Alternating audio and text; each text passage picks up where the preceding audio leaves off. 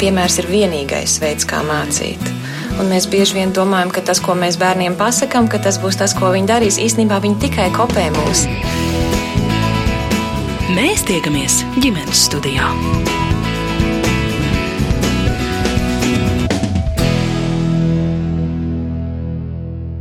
Esiet sveicināti ģimenes studijā. Šodien es Agnese Linka aicinu jūs kopīgi doties viesos un neatkarības atjaunošanas gadadienas svinībās pievienoties ģimenei, kurā gandrīz visiem ir vienotas intereses un tās saistītas ar drošību un sevis, savas ģimenes un savas zemes aizsardzību. Tēvs Sigors 25 gadus dienējis Nacionālajos bruņotajos spēkos. Tagad aizsardzības akadēmijā mācās un par virsnieci šovasar kļūt gatavojas viņa meita Adrija. Bet dēls Dēvids, kā pats saka, pilnveido sevi un savas zināšanas, darbojoties zemesardzē. Saulēnā māja dienā es dodos ciemos pie Ponomarenko ģimenes uz Garkalni, kur viņu mājas pagalmā pati pirmā man ļoti sirsnīgi sagaida Adrijas mazā meitiņa Emīlija. Drīz mēs sēžamies pie balta klāta galda, lai iepazītos. Mani sauc Igors Pornomarenko. Es esmu Adrijas un Deivida tēvs un Emīlijas vectēvs. Šobrīd esmu izdienas pensijā un dienu 19. bataļonā, nodrošinājuma bataļonā. Man pieder apsardzes mācību centrs Daispon, un es esmu tur galvenais instruktors. Mana sfēra tas ir apsardzes darbinieku apmācība. Strādāju arī turībā, esmu pasniedzējis drošības speciālistiem, apsardzes uzņēmumu vadītājiem. Tas ir pirmā, otrā līmeņa augstākā. Ja, un apmācu studentus apsardzes taktikā, speciāli cīņas paņēmienus. Tāpat arī brīvo laiku es pavadu sporta zālē, ja, trenējot bērnus un pieaugušos, gan karatē, gan džudžitsu. Un pašaizsardzības nodarbības vadu. Nu, un brīvajā laikā pa māju. Māja ir, mājā daudz darba. Tāpat arī bieži ar ģimeni kaut kur braucam, ceļojam. Zemesardze pieminējāt? Zemesardzē, jā, zemesardze tas ir ārpus darba laika. Manā gadījumā nostiprināt zināšanas, aiziet uz šaušanu atkārtot taktiskos vingrinājumus, tāpat arī ieviest tos jaunos. Parasti zemesardzē nāk kaut kas jauns, tāpat kā bruņotos spēkos, jā, un lai iepazītos ar jauninājumiem, apmeklēt mācības. Tāpat arī mācībās piedalās bieži jau jaunos, lai visu to sastāvu ieraudzītu un iepazītos, jo jauniņie nāk un apmeklē to zemesardzi un stājas aktīvi. Tāpat arī pie zemesardzes klāt mums arī jaunsargi kuri aktīvi arī klāt ar zemesargiem. Tāpat zemesargi sadarbojas mums ar bruņotiem spēkiem, tas ir kājnieku bataljoniem. Jā. Mūsu bataljons ir tuvu ādažiem, un tās apmācības bieži arī notiek ādažos. Kā jau zinat, mans vārds ir Deivids. Esmu dēls Igoram. Man ikdienu aizņem uh, oficiāls darbs, var teikt tā, uh, uzņēmumā un zemesardze kā hobijs un cīņas māksla. Zemesardzē iestājos kopā ar tēvu. Viņš gāja pensijā, viņam bija iespēja. Un dēļ ir pagājuši trīs gadi. Zemesardzes laikā un pirms zemesardzes laika vienmēr esmu gājis tēvam aiz muguras un skaties, kāds viss notiek un piedalījies arī armijas aktivitātēs. Un tas ļoti interesē. Ko nozīmē iet tēvam aiz muguras un piedalīties armijas aktivitātēs? Tas nozīmē, ka viņš bija Rīgā aizsardzības akadēmijā, Es tur arī apgrozījos kopā ar kadetiem, vēroju, ko viņi dara, un dažu brīdi arī piedalījos dažādās nodarbībās. Un šaušanas nodarbībā, žīdu skolā, to nozīmē. Un cīņām arī aiz muguras gāja. Viņš man tikai to pavilka uz cīņu mākslām. Viss tā arī tas attīstās. Kāpēc tas saista, kāpēc tas patīk? Nu, vīrietim būtu tas jāpatīk arī. Ne tikai tāpēc, ka tēvs to dara, bet tas aizrautu jebkuru vīrieti. Es domāju, paudzes paudzēm tas aiziet, manuprāt. Ko nozīmē būt eh, darboties zemesardzē? Zemesardzē darboties nozīmē pārvarēt sevi, kad negribās to darīt, ja tu domā pie sevis, kam tev tas vajadzīgs, bet vienkārši to izdarīt sliktākajos apstākļos, un tu pārbaudi sevi, savas zināšanas, ko tas ieguvis, un atjaunotās. Un jebkurā situācijā tas var arī noderēt. Piemēram, piemēram, mežos sēņotājot. Tas, tas ir pats vienkāršākais piemērs. Jā, un arī sliktākās situācijās, kad esmu nonācis. Bet kādreiz izdodas arī kā, nu, atrast sev atbildi uz to jautājumu, kāpēc man tas vajadzīgs, pat tad, kad negribās. Lai pierādītu sev, protams, tas ir paša sevi pārvarēšana, tas lielākais posms savā dzīvē. Tāpēc es domāju, tā ir tā atbilde uz visu. Aizsardzības struktūrās arī māsa Adrija ir iesaistīta. Kas ir tas, kas aizņem tavu dzīvi un ikdienu? Es studēju Nacionālajā aizsardzības akadēmijā. Privātajā dzīvē visu laiku izklaidējos ar meitu. Pavadu visu savu brīvo laiku ar viņu, cik vien spēju. Tā lai arī viņa uh, iemācītos kaut ko no dzīves, un, protams, bērni mācās no vecākiem. Uzskatu, ka esmu piemērs viņai un daru ar viņu visu, ko vien varu. Par aizsardzības akadēmiju, kāpēc tāda izvēle? Tā sākotnēji tas viss, protams, sākās ar tēvu. Tāpat kā brālim. Interesanti bija tas, kad uh, viņš strādāja Nacionālajā aizsardzības akadēmijā, un kad es iestājos, mēs atradāmies vienā ēkā, un vienīgā atšķirība bija viņš viens stāv augstāk. Un tas tā nērti man bija, tīpaši, ka tu vēl esi skolnieks un dzīvo pie vecākiem. Vismaz bija nostāja pašai braukšu ar savu mašīnu, jo darba vietā tā kā satiekamies atkal kopā un viņš uz mani skatās. Un, protams, vakaros es dab, dabūju tādu rājienu, tu varēji ātrāk skriet, ko tu somu nevari panest, es te visu redzu. Citiem jau vecāki neredz, ko viņi dara. Man tā interesanti sanāca. Bet, jā, iestājos, tāpēc, kad es tur uzturējos arī pirms iestājos akadēmijā. Tā vide vairāk tā piesaistīja. Bet uz doto brīdi man jāatbild, kāpēc es iestājos. Tā kā laiks ir pagājis, Es uzskatu, ka tas bija priekš manis kā personības izaugsmē. Nu, sākotnēji tas tā varbūt nelikās, bet uz doto brīdi šis viss periods ir vairāk attīstījis mani kā cilvēku raksturā un personībā kā tādā attieksmē uz dzīvi un uzskatiem. Tā kā tas ir tikai nācis par labu, iespējams, nākotnē. Mhm. Es saprotu, ka tas izglītošanās process ir diezgan garš tavā gadījumā, jā? Ja? Man tas izvērtās ļoti gari. Iestājos uz 18 gadiem, uz doto brīdi ir 26, joprojām vēl skaitos, kad studēju. Dēļ tā, kad uh, izvēlējos arī, kā nekā sievietei pienāks arī dzemdēt bērnu. Jā, gāja dekrēta atvaļinājumā. Tas bija ļoti patīkams process, it īpaši, ja tu pirms tam esi izgājis izdzīvošanas kursu. Uh, Un pēc tam uh, piedzemdējot bērnu, tas nešķita tik uh, sarežģīti un grūti. Negulētas naktis vispār nesagādāja problēmas. Emīlijai man bija ļoti mierīgs bērns. Gulēja jau kopš trīs mēnešu vecuma, likās, ka man bērna nav. Tāpēc, kad uh, visu laiku guļ un klusums mājās ir.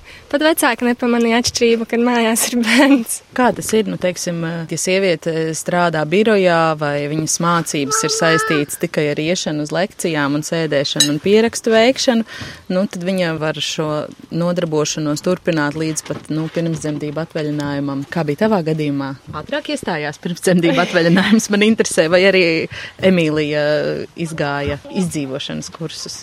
Jā, tas sanāca. Emīlija pieteicās tieši, kad es atgriezos no izdzīvošanas kursa. Izrādās, es jau tajā periodā biju stāvoklī. Pēc tam man iestājās tāds mierīgāks process. Uh, varēju fiziski nepiedalīties nekur. Uh, mācības uh, līdz ar to arī pārtraucās, un es tā pastrādāju citādāk. Nevis kā kadets, bet nu, nedaudz arī ieskats bija kā darbiniekam. Un līdz ar to arī nāk tās atziņas, ka tomēr tev to virsnieku pakāpi vajag, jo negribu būt parasts karavīrs. Un līdz ar to arī atgriešanās ir tāda ar uh, enerģiju, tāda lielāka enerģija bija. Mājās es biju pasēdējis, vairāk neesi nekur tā iztērējies, un kad atgriezos, bija cita motivācija. Tā saka, ka mamām pēc bērna ienākšanas ģimenē rodas cita jauda. Jā, viņa man daudz ko iemācīja, un uh, tas arī man palīdzēja nedaudz sevi pasniegt, uh, iztaisnot muguru varbūt un censties sevi aizstāvēt, jo pirms tam jau šķita it kā cīņas es protu, bet sevi kā aizstāvēt es īsti nemācēju, jo es atļauju citiem kaut ko negatīvu izteikt. Vienkārši uz doto brīdi es vairs to nepieļauju. Jā, cīnīties par sevi noteikti vajag. Un bērns to tiešām iemāca. Tev ir daudz kursa biedreņu, kuras arī būs virsnieces.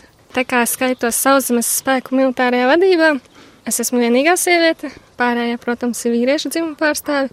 Citos spēku veidos, protams, ir kādas sievietes, bet arī pa vienai, pa divām. Ļoti interesanti vienai pašai. Uzskatu, ka man ir vieglāk ar vīriešiem komunicēt nekā ar sievietēm. Bet ko tas prasa šādas profesijas apguva no sievietes? Nu, nu, ko nozīmē sievietei būt bruņotajos spēkos? Brālis rāda, ka viņai jābūt spēcīgai, bet es to neuzskatu, jo es sevi neuzskatu tik fiziski spēcīgu.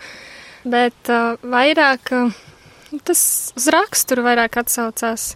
Vai tu tiešām esi gatavs mācīties, lai arī kādas kļūdas tu pieļautu. Tu vari būt kautrīgs, bet tev jābūt drosmīgam. Tas to visu aizstāja un līdz ar to tu esi gatavs riskēt, uzņemties kaut ko vienalga, kā tev sanāks. Bet nu, tas, jā, it īpaši, ja tu esi viena pati sieviete, tad, teiksim tā, nevajag klausīties citos. Klausies savā balsī pie sevis visu laiku saki, ka tu to vari, tu to vari. Tur vajag vairāk tā, ka neņem to visu galvā. tā būs vieglāk dzīvot. Tā jau ir dzīves patiesība, ko arī uz, uz, uz jebkurām citām ikdienas situācijām var attiecināt, vai ne? Bet fiziski ir kāds bijis tāds pats lielākais izaicinājums. Fiziski es uzskatu, ka visgrūtākais bija tas periods, iestāšanās periods, jo tad nebija tādas pieredzes stiept somu nest savu, jo es tajā brīdī svēru 49 kg un manas somas svēra 20 kg un man tas nedaudz sagādāja problēmas, tāpēc es tiešām atceros to periodu un pārējais tas tā vieglāk nāca līdz tas jau muskuļu spēks, tas viss jau pēc tam radās, vismaz, lai tu pats sevi vari nest, ja ne citu, tad sevi vismaz. Bērnībā, es nezinu, meitenes tur biežāk dējo vai glezno vai kaut ko tādu dara. Mana nodarbošanās bija skriešana tētim līdz uz treniņiem. Cik es atceros, sapratu, ka es no astoņiem gadiem uzsāku trenēties. Visu laiku es biju viņam blakus, visos treniņos. Pat uh, Dažreiz pašai motivācijas nebija. Es nesapratu, kāpēc man tas vajadzīgs. Viņš man pa māju sāka meklēt, es varēju slēpties, kur es gribu, bet viņš man atrada un aizdas to treniņu. bet pienāca tāds vecums, aptuveni nu, 16 gadi. Un tad sāca vienkārši kā automātiski to visu darīt, jo tas kā pieredums. Tā kā mums pašiem tajā laikā nebija tādas, neteikšu, izvēles, mēs vienkārši neizvēlējāmies, jo mums jau bija, ko tevs var piedāvāt. Stautudējā mēģināja iet īsti nesaistīja.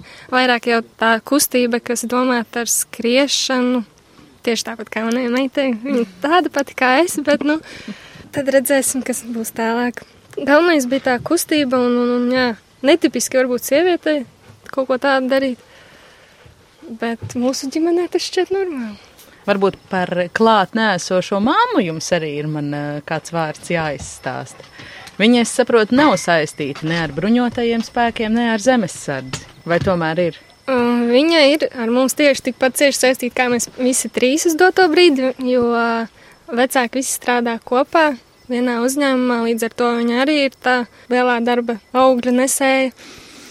Es domāju, ka no cīņām viņai nav nekas tik tālu, jo viņa arī visu laiku ir bijusi stāvējusi klāt un visu redzējusi. Ja vajadzētu, viņa sevi arī aizstāvētu. Un tas ir par tādu cīņas sportu runājot, Jā. bet tieši militārajā jomā. Militārā jomā viņa tā, ka Adrija nevarēja ar meitu būt kopā, tad uh, mamma bija kopā. Ja? Visos uh, kursos, kamēr viņa mācījās, ja? kamēr visās nometnēs bija. Ja? Kamēr bija kājnieku skolās, instruktoru skolās, ja, nu, tad skaidrs, ka Adrija atradās cēsīs, ja, un tāpat arī ādažu un poligonos, ja, tad skaidrs, ka bija jāņem no bērndārza, kam skaidrs, ka mamma jāņem un jāizved un jāatved bērns, ir jāpabaro bērns un jāiet, jāpaspēlēs un jāpastaigās ar to bērnu. Visa, visa pilna vecmāmiņas pienākumu, omītas pienākumu palete. Vecmāmas pienākumi, kamēr meita jā, dienestā ir.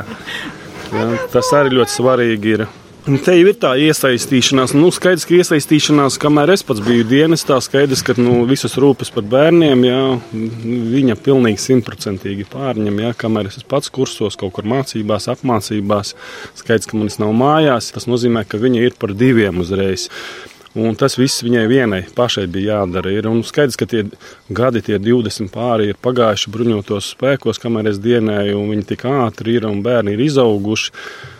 Man tāds sajūta, ka, ir, ka es esmu tagad otra dzīve sākas. Tad bija bruņotie spēki un tā zemesardze tāda, tas kā brīvais laiks, brīvais hobijs ir. Ja? Tāda sajūta, ka tu tagad esi iesaistījies jau civilā dzīvē. Ja? Un civilā dzīvē, un skaidrs, ka es iesaistos tā, lai nu, vismaz kaut kādas nu, izmaiņas ir. Ja? Skaidrs, ka ar savu darbu es mēģinu iesaistīties, kā saka, nesēdēt malā. Mēs tiekamies ģimenes studijā.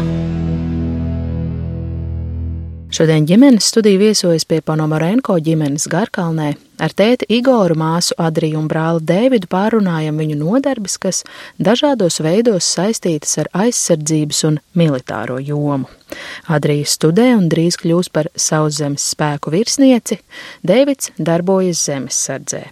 Ilgstoši strādājis Nacionālajos bruņotajos spēkos, šobrīd Igors ir izdienas pensijā un atzīst, ka 25 gadi dienestā pagājuši ļoti ātri un bērni izauguši teju nemanot.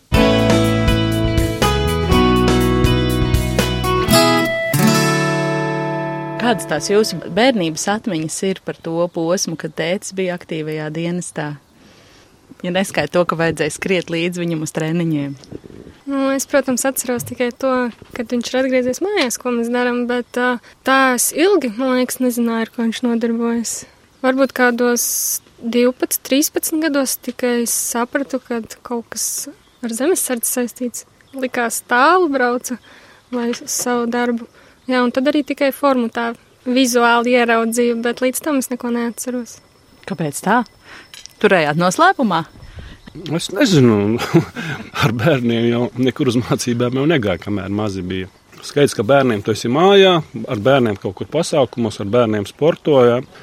Nu, mājās par militāro nekā nerunājām, ne ar sievu. Skaidrs, ka bērni mazi ar bērniem par tādām lietām vispār nerunā. Varbūt mirkliem viņa redzēja, ka es formā aizēju, atnāku. Ja. Varbūt redzēja, ka ierocis pie sāniem ir. Bet nu, bērni jau neiedomājas un nedomā par to, ka tur kaut kur diena, kaut kur pa mežiem tu dzīvojies un tā tālāk. Ja? Es domāju, ka mazi bērni nedomā par to. Nekur. Tagad bija savādāk. Viss pamainījies. Tā tehnika ir jau uz parādēm, staigām. Agrāk bija savādāk. Bija, ja? Sākot no 90. gadiem. Tur cits dzīves ritms un sakari pavisam nebija tāda. Ne mobīlo telefonu, ne interneta nebija. Tētis nevarēja Vācijā atsūtīt bildītas. Nebija ne Vācijā, nekā. Tagad var katru dienu gan Vācijā, gan internets, ir, gan datori, ir telefoni. Var sazināties, un tad, tad skaidrs, ka mūsdienās bērni ar vecākiem var sazināties attālināti. Vienkārši tajā laikā Es atnāku un aizēju. Viss, ja, un skaidrs, tad, tas posms, cik es esmu mājā, tas brīvais laiks. Ja, un skaidrs, ka viņi neredz tur reāli, kur es ko, un tās bildes, fotoaparāti bija tie melnbaltie, un uz poligonu jau nestiepsi fotoaparātu līdzi, ja tādu kluci, lai fotografētos, un to bilžu praktiski mazs ir ja, no tiem laikiem. Bet tomēr jums kaut kā ir izdevies iedvesmot tos savus bērnus, ka viņiem arī šī joma ir tuva. Tas tā apzināti? Nē, tas jau praktiski, ka viņi jau skolas laikā jau patstāvīgi palika, ka viņi nāca jau uz darbu, jau tur, ko es dienu, un tad jau bija savādāk. Skaidrs, ka viņi tur sēdēja, mācījās un redzēja, kā kadeti skrien, stājas, jā, ierindā, kā viss notiek, kā notiek apmācības uz plāča. Tāpat arī klasē skaidrs, ka viņi redz, un tad jau bija savādāk. Ir. Tad viņi bija pieaugušāki, jau paši patstāvīgāk var atnākt uz darbu. Mazus bērnus jau nevilks uz darbu, tāpēc arī viņi nesaprot, kas ko. Jo Emīlija jau arī tagad atdarīja, viņa taču nav vilkus viņu ne uz akadēmiju, ne darbu. Pirmo reizi Emīlija ieraudzīs ja, un atnāks uz darbu, tad, kad Adrija būs izlaidums akadēmijā. Ja, tad viņa būs teritorijā, ja, tad viņa redzēs, kas un kā, un tad es pieļauju, ka Adrija viņu vedīs gan uz kazarmām, gan mācību klasēm, ja, un tas svinīgais lielais pasākums, kur viņi redzēs daudz virsnieku, karavīru un vecākos virsniekus. Un kā tas viss tur notiek, tā izlaidumā un apbalvošanas un, tā ceremonija, un tās zvaigznes dos, lai būtu virsnieks. Un tad, tas ir bijis savā. Tad viņi pirmo reizi pieļaus, tad redzēs visu. Kad tas būs tas izlaidums? Ceru, ka es līdz tam nonākšu. tas ir vēl grūts process. Daudz lietas, kas traucē ikdienā lai izdarītu to, ko vajadzētu izdarīt. Bakalaura darbs, protams, pāris priekšmetu palikuši un eksāmens. Tas kā pēdējais, teiksim, mēnesis, ko vajadzētu saraut. Tad izlaidums visdrīzāk būs šovasar. Šovasar 21. jūnijā. Tad jau redzamā nākotnē. Jā. Par militāro jomu un savu bērnu man ir tā, ka sajūtos nērti jau pirmo reizi, tad, kad dārziņā prasīja atsūtīt vecāku profesiju, tā kā atnākt varbūt nodemonstrēt vai iedot kādu materiālu vai ko. Tas viss nav pagaidām piemērots trīsgadīgiem bērniem. Pārējie vecāki, tādi ārsti, varēja kaut ko interesantu viņiem sagatavot un iemācīt, kā vismaz paklausīties sirsniņu un tā, bet nu, es nosūtīju prezentāciju tikai, protams, neko jau īsti tur parādīt nevaru. Teiksim tā, mežu varbūt kādas bildes vai kaut ko tādu. Un uh, meita arī tikai redz, ja forma ir uzvilkta viņa mammas darbiņu. Un Braucot garām, viņa var parādīt, ka tas ir mammas darbiņš, bet uh, vairāk neko citu viņa arī nezina. Dēvid, nav bijusi doma, ka arī vajag kļūt par virsnieku. Pagaidām nav bijusi tāda doma. Nē, nu es abrīnoju savu māsu, ka viņa to visu dara, protams. Ar zemesardzi pietiek, ja? Ar zemesardzi pietiek, jā. Ir grūtības arī nest to uzvārdu Panmarenko, jo armijā diezgan zināma lieta tā ir. Un visu uzreiz uztver, ka viss tev jau jāzina, viss jāprot ir, un tā arī jāparāda tas vislabākais. Jā. Tāpēc, ka tēvs ir bijis pasniedzējs, ja? Tēvs ir bijis pasniedzējs, jā, kadetiem bija kursa virsažens, jā, tēvs bija. Un tā arī apgrozoties tajā akadēmijā, arī daudzi pazīstami, un tāpēc jāparādas no sevi vislabākais ir. Visi jau prasa to labāko. Gribu jums pavaicāt, ko jums eh, nozīmē patriotisms, vai jums šis jēdziens ir tuvs un pie sevis esat par to domājuši? Nu, patriotisms. Nu, es domāju, ka nu, nevajag bišķiņu pārspēlēt viņu. Ja? Tā ir ikdiena īstenībā. Ja? Skaidrs, ka tu esi Latvijā, tas ir viens, ja? tas ir, ka tu katru svētku dienu izkar pie mājas Latvijas karogu. Skaidrs, ka tā, es pieļauju, ka ja arī cilvēks strādā ne tikai bruņotos spēkos, bet arī ugunsdzēsējs, policists vispār, ja, skaidrs, ka viņš kaut kādu ienesumu Latvijai dot. Ja. Nu, tas ir viens. Skaidrs, ka jābūt arī aktīviem. Ja. Nu, nevajag to, baigi pārspīlēt. Skaidrs, ka vajag iesaistīties arī nu, Latvijas ikdienas dzīvē, ja, un sabiedrībā būt kaut kur. Ja. Es domāju, ka tur nevajag tādu nekā sevišķu. Es domāju, ka jebkurš no mums varētu un ir patriotisms. Ja? Un, ja viņš uzskata, ka viņš nav, tad es pieļauju, ka viņš vienkārši nav iedomājies. Iespējams, ka viņš ir patriots. Vai viņš ir krievlīgais vai latvietis, ja? viņš šeit dzīvo un strādā, tad viņš iesaistās arī visos svētkos, ja? un tas arī ir jau kaut kāds devums. Jums arī ir stāsts, jo stāsts karoga masts pie mājas un valsts karogs plīvo mastā. Karoga masts ir. jā. Visiem tā nav. Visiem nav, jā, bet nu, smuki izskatās, un viņš visaugstāk plīvo. Un, nu, viņš arī izceļas, un viņš tas karogs arī uzreiz lielāks. Arī, jā. Un skaidrs, ka to karogu tas masts un karoks visu laiku var, un karoks tā mastā var plīvot, ja, un sevišķi ārā ir vējš, tad skaidrs, ka tas arī ļoti smuki ir. Nu, skaidrs, ka tas ir masts, tas arī ir dārgs prieks, lai katrai mājai uzliktu mastu, ja, bet, nu, Tā sanāca, ka gribējās, lai te pagalmā kaut kādīgi iekārtotos, smukāk būtu kaut kas. Pašam arī prieks, ka tu izēji un smuki izskatās viss tas. Es pieļauju, ka kaimiņiem arī patīk. Kaimiņiem arī. Jā, kaimiņiem arī kur nu, uzlikts ir masts. Un kaimiņš, tas, kas uzlicis mastu, tas arī bruņotos spēkos strādā. Un, jā. Kad mēs pirmo uzlikām, viņš arī pēc tam uzlika, jo viņam iepatikās, kā tas izskatās. Viss svinīgi. Galvenais. Tāpat kā darbā. Ja darbā mums ir masas, kur paceļ karogu, jā, sākumā, beigās jā, tāpat arī skatos daudzās vienībās. Darba sākumā gan paceļ karogu, gan nolaiž, ja svinīgi. Tad mums ir katru dienu masas. Ja? Tas nozīmē, ka mēs esam gandrīz kā darbā, ja? kā dienestā, kā svētkos. Tur ir tas masas, nu, praktiski ar karogu viņš nozīmē daudz ko laikam īstenībā.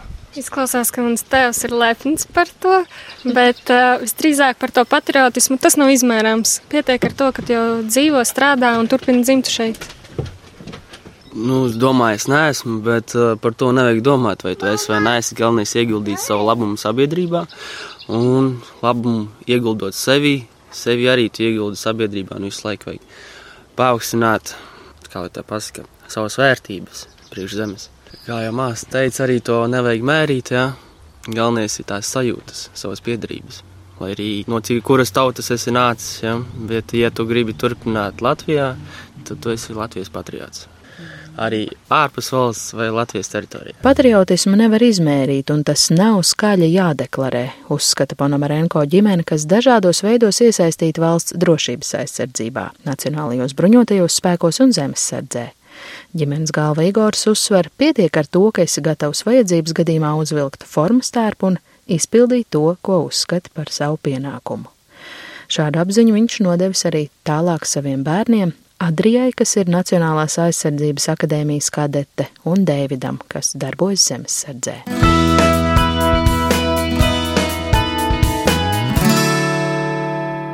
Par eh, zemesardzi un vienaudžiem. Vai iesaistās eh, daudz tavu vienaudžu zemesardzē, vai interesējās par to, kā ir tavu draugu paziņu vidū? Tā man ir 23 gadi, kad es iestājos, bija 20 gadi, un tajā mirklī vienaudži bija. Joprojām dēt ir vienaudži.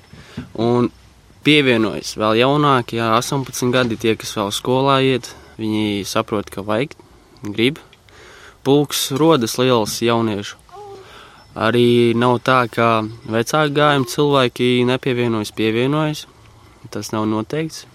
Un visi aktīvi darbojas, iziet pamatapmācību un turpina savu vēlmi iemācīties un atjaunot zināšanas. Manī jā, interesē tas, kāpēc jauniešiem tas varētu būt interesanti. Skaidrs, ka jums ir tēta piemērs. Mm, abiem no šīs ietekmes nesat nekādi varējuši izvairīties, un arī tas, protams, nav vajadzīgs, bet kā ir citiem? Jaunībā varbūt ir jaunsardzē gājis, ja un grib turpināt to visu hobijs vai kaut ko jaunu izmēģināt. Ir arī varianti tādi, kā pirms profesionālā dienesta atnākt zemesardzē pamēģināt, izmēģināt savus spēkus, iegūt zināšanas jau laicīgi un tad turpināt profesionālajā dienestā, kā savu ikdienu.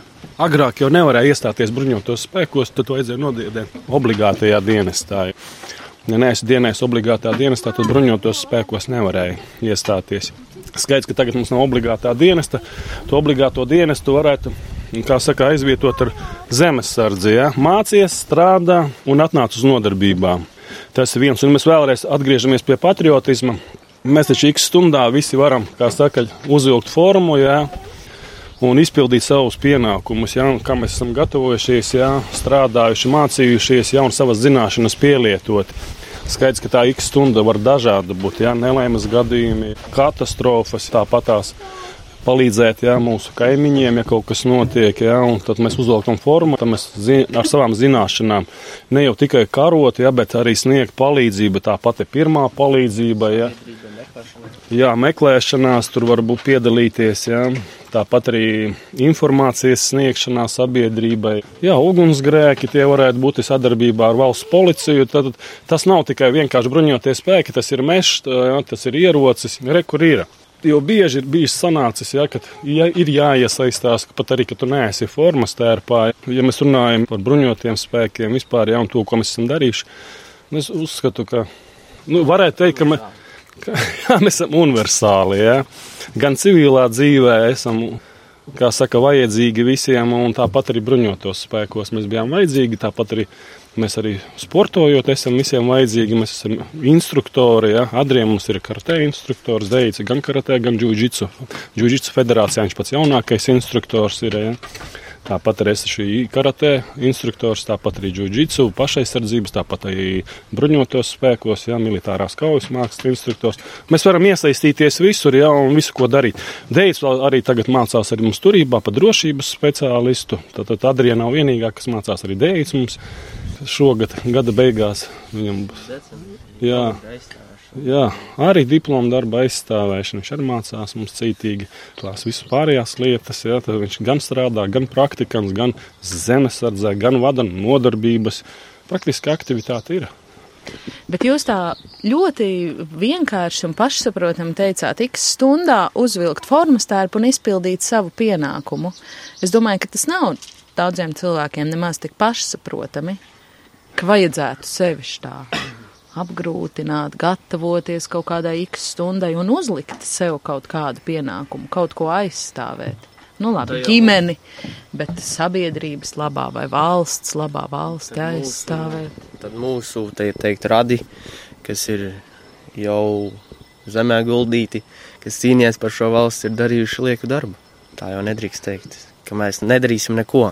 Jā, mums kaut kas ir jādara, mums jāturpina viņu iesākties. Nu, tā x stunda, tas uzvilkt, izdarīt. Nu... Es nezinu, man liekas, tas ir tāds pašsaprotams, ja, un mēs neredzam nekādu risku tajā. Kad kaut kam ir jāpalīdz, vai tas ir risks, ja. mēs jau nedomājam, ka kaut kas var notikt ar mums. Mēs domājam, nu, kā, kā palīdzēt citiem. Ja. Bet, piedodiet, bet nu, profesija, kas jums ir, nu, tā ir saistīta ar risku, kas jums ir bijusi dienests, nav saistīts ar risku.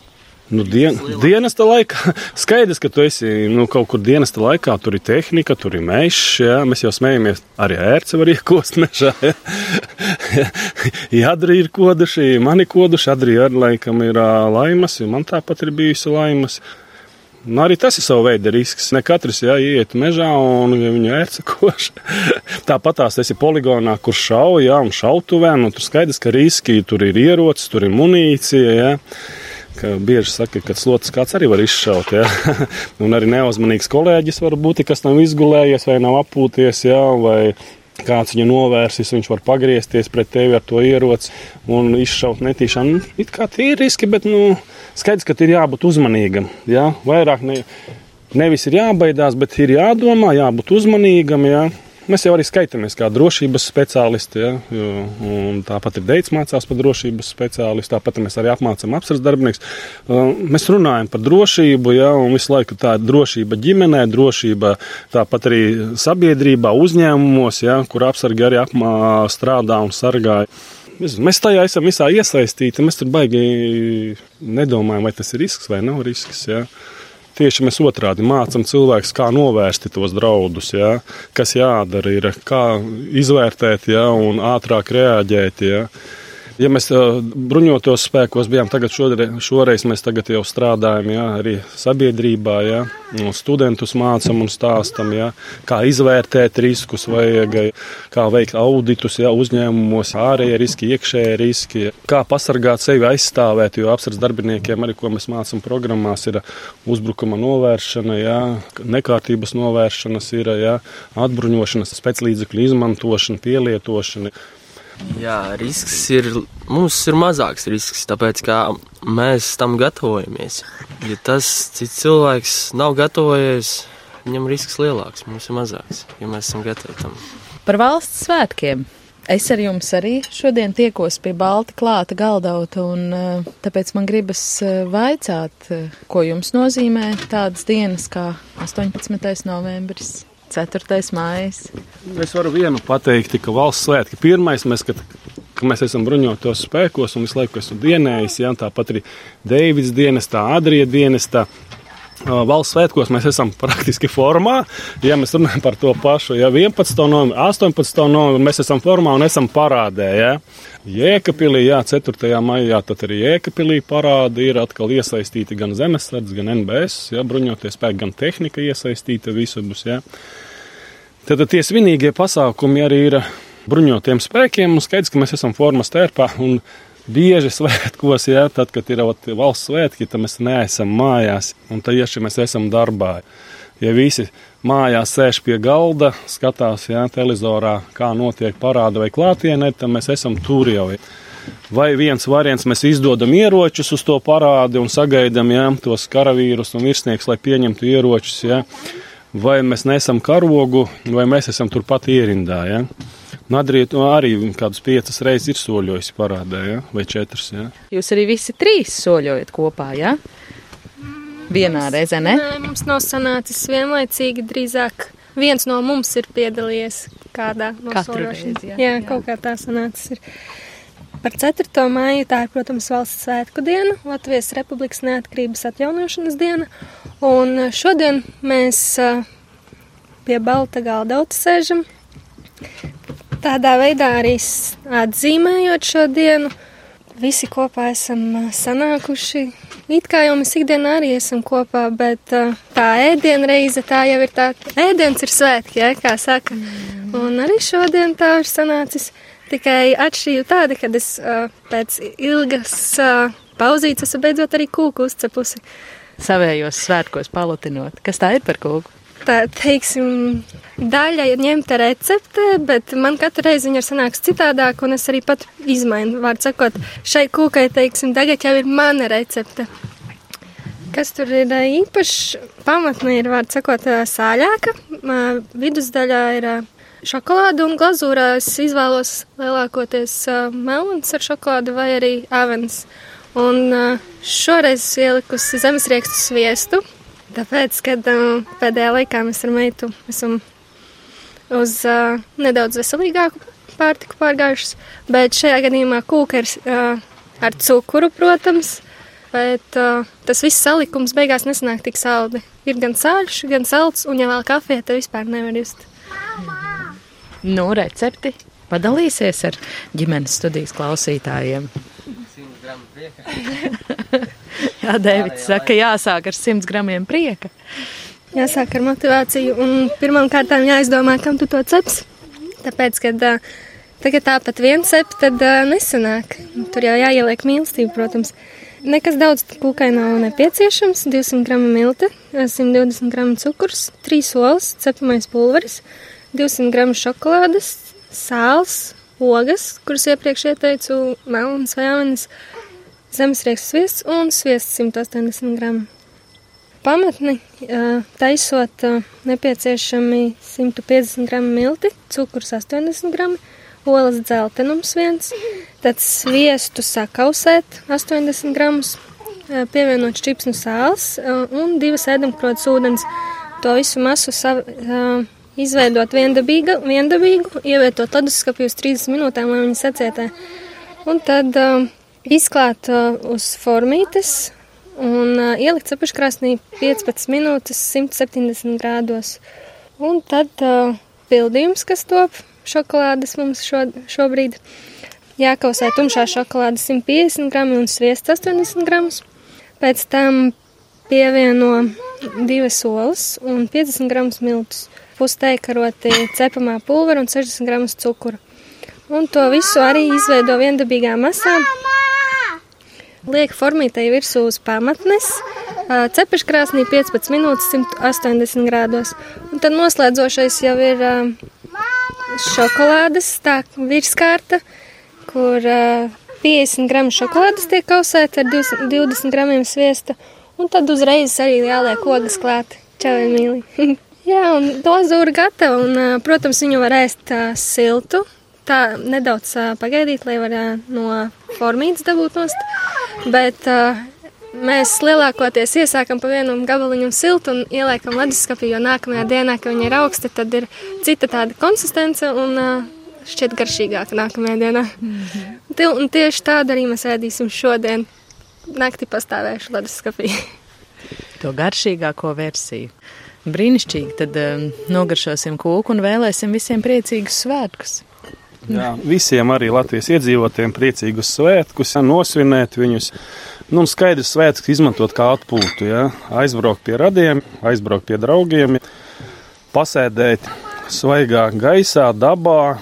Balto galdautu neaizmirst. Jā, balto galdautu un skaidrs, ka, lai būtu balts galdauts, jābūt arī galdam, ja, kur uzklāt to baltu galdautu. Un skaidrs, ka uz galdauta jāstāv arī pārtikai un ēdieniem, ja, lai mēs varētu svinēt. Ja nepaguvāt iegaumēt Adrijas iecienītās šokolādes kūkas recepti, kas šodien rotās Ponomarenko ģimenes balti klāto svētku galdu, tad varat to apskatīt Latvijas radio vienas mājas lapā, raidījuma ģimenes studijas sadaļā. Tur redzams arī fotogrāfijas no mūsu tikšanās. Priecīgus svētkus atvadoties jums vēl šī raidījuma veidotāji Ilza Zvaigzne, Nora Mitspapa, Ansis Pavasaris un es Agnese Līnka. Uz sadzirdēšanos jau drīzumā!